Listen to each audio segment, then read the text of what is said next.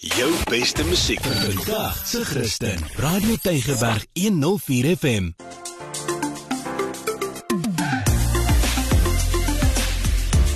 Alles wat lekker is met Almarie de Pre en Ingrid Venter op Radio Tygerberg 104 FM.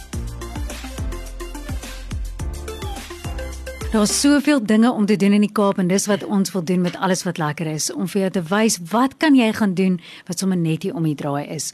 So dis alles wat lekker is. Vandag kan ek nie wag om te hoor Ingrid Môre, waar het jy gaan kuier? Hoorie Almarie, um, uh, baie hartlik welkom aan almal wat ingeskakel is. Dankie dat julle luister en lekker saam met ons kuier hier en alles wat lekker is. Hoorie, hou jy van museums? Ja, welkom ek gee jou idees. Ek op my eie gaan rondreis, selfs oor see. Dan sal ek juis alleen gaan want ek weet ek wil baie tyd daar spandeer en almal hou nie daarvan nie so ek ja. geniet dit verskriklik baie. O man, dan moet jy eintlik saam met my gegaan het. Ek moet bieg, ek is so bietjie uitsoekerig as dit kom by 'n museum. Ek hou nie van van daai ou stowwerige plekke nie. Ek wou nie verstaan wat jy sien nie. Ek wil ek wil na goed kyk en dan wil ek weet wat ek sien nê. So mm.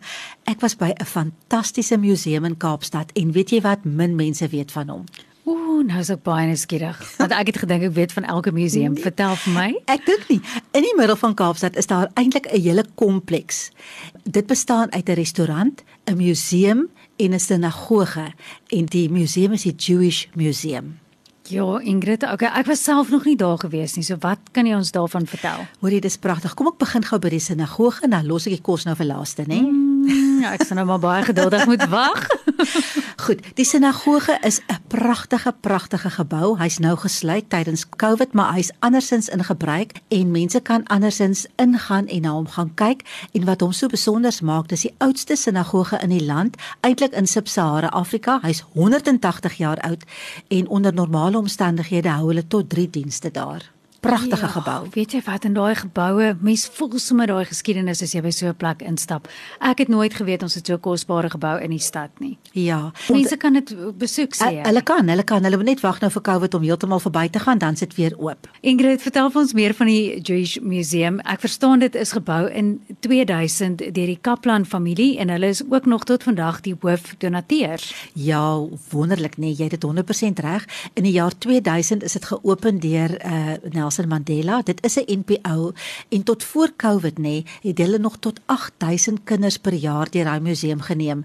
Die busse What? en 'n ete word dan gesponsor. Ja, hulle het 'n wonderlike program daar en daar is nog steeds persone wat toere aanbied vir kinders. So mense kan nou op hulle webtuiste gaan.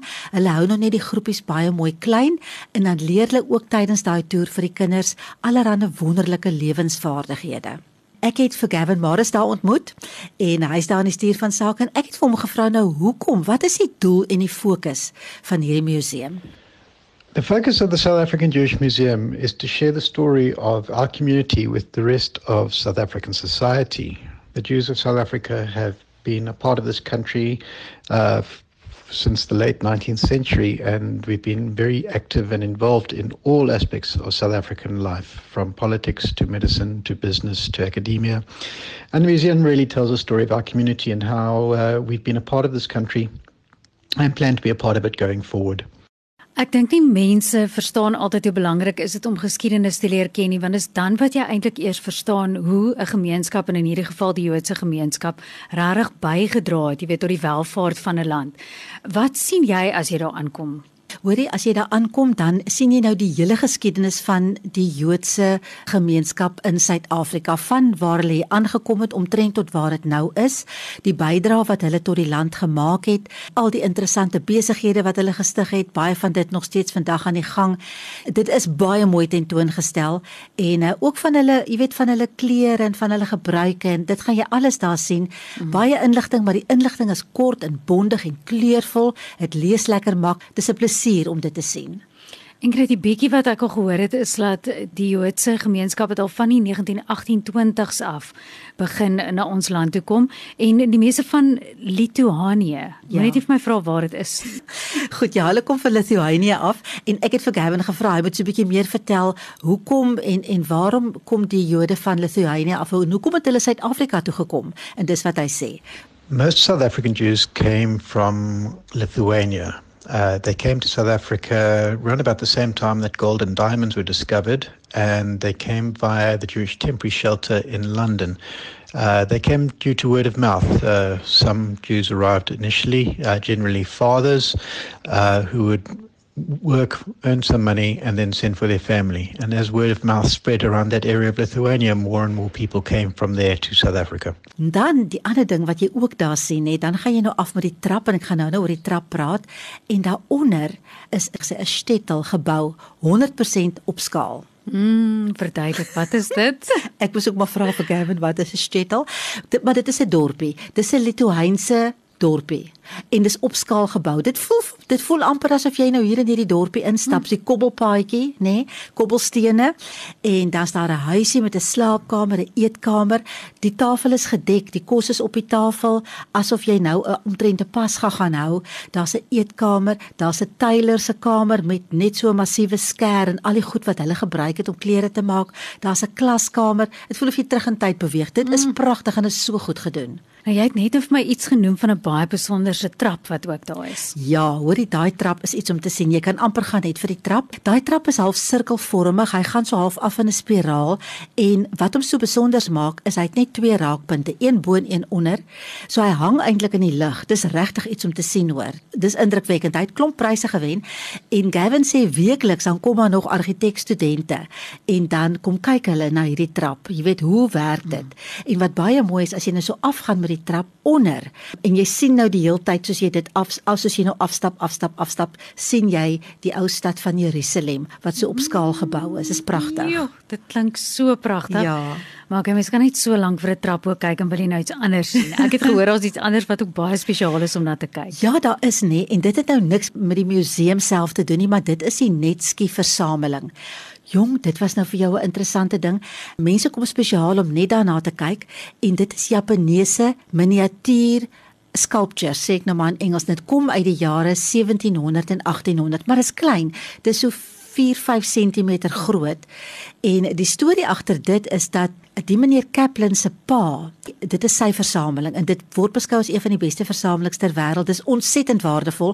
Al die sculptures is nie daar nie want hulle is te waardevol. Hulle word weggesluit. Wat so oulik is is toe hy dit begin versamel het, het hy spesifiek geleer hoe om Japanees te lees en te skryf hmm. sodat hy dit kon versamel.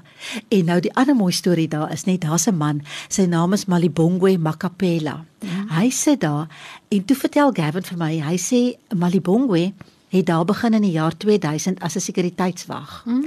Toe was hy so 'n bietjie verveeld by tye en toe gaan lees hy op oor netski. Wat is 'n netski? Hoe werk dit? Nou kyk, die Japaneese mans het daai tyd sulke kimonos gedra met sulke breë bande hmm. en dan al 'n sakkie waarin hulle nou hulle geld en goed geplaas het. En hierdie netski beeltjie het nou aan daai sakkie gehang en dit was so 'n ornament om dit nou ja. vir jou baie rofweg te verduidelik. Maar Malibongwe, Makapela, hy gaan leer toe hoe werk hierdie goed?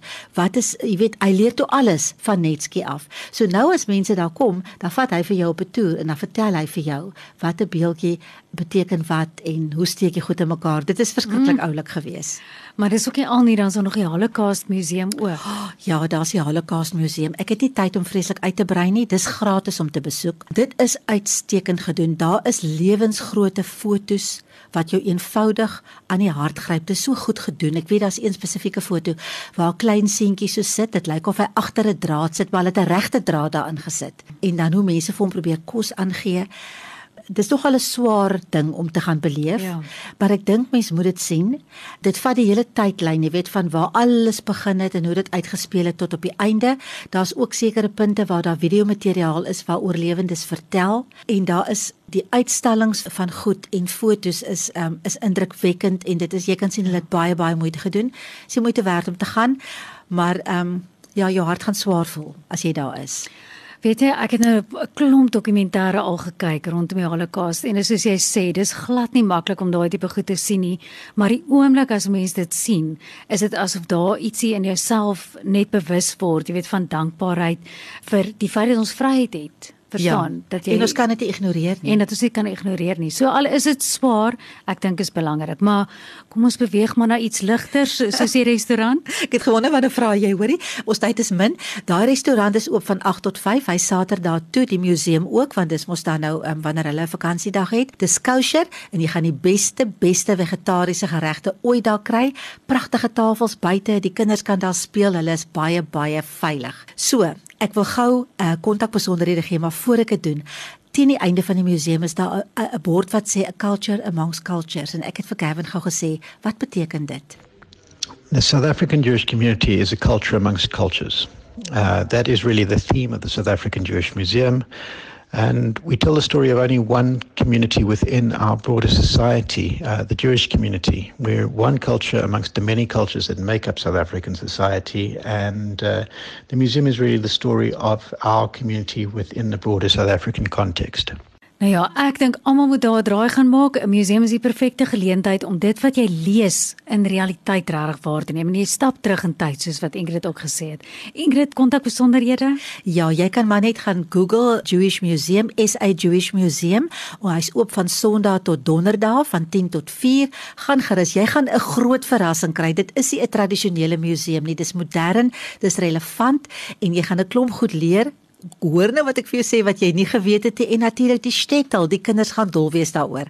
So gaan maak gerus 'n draai. Ek groet van my Ingrid tot 'n volgende keer. Totsiens. En van my Almarie met 'n heerlike week. Ek kan nie wag vir volgende Vrydag nie. Bye.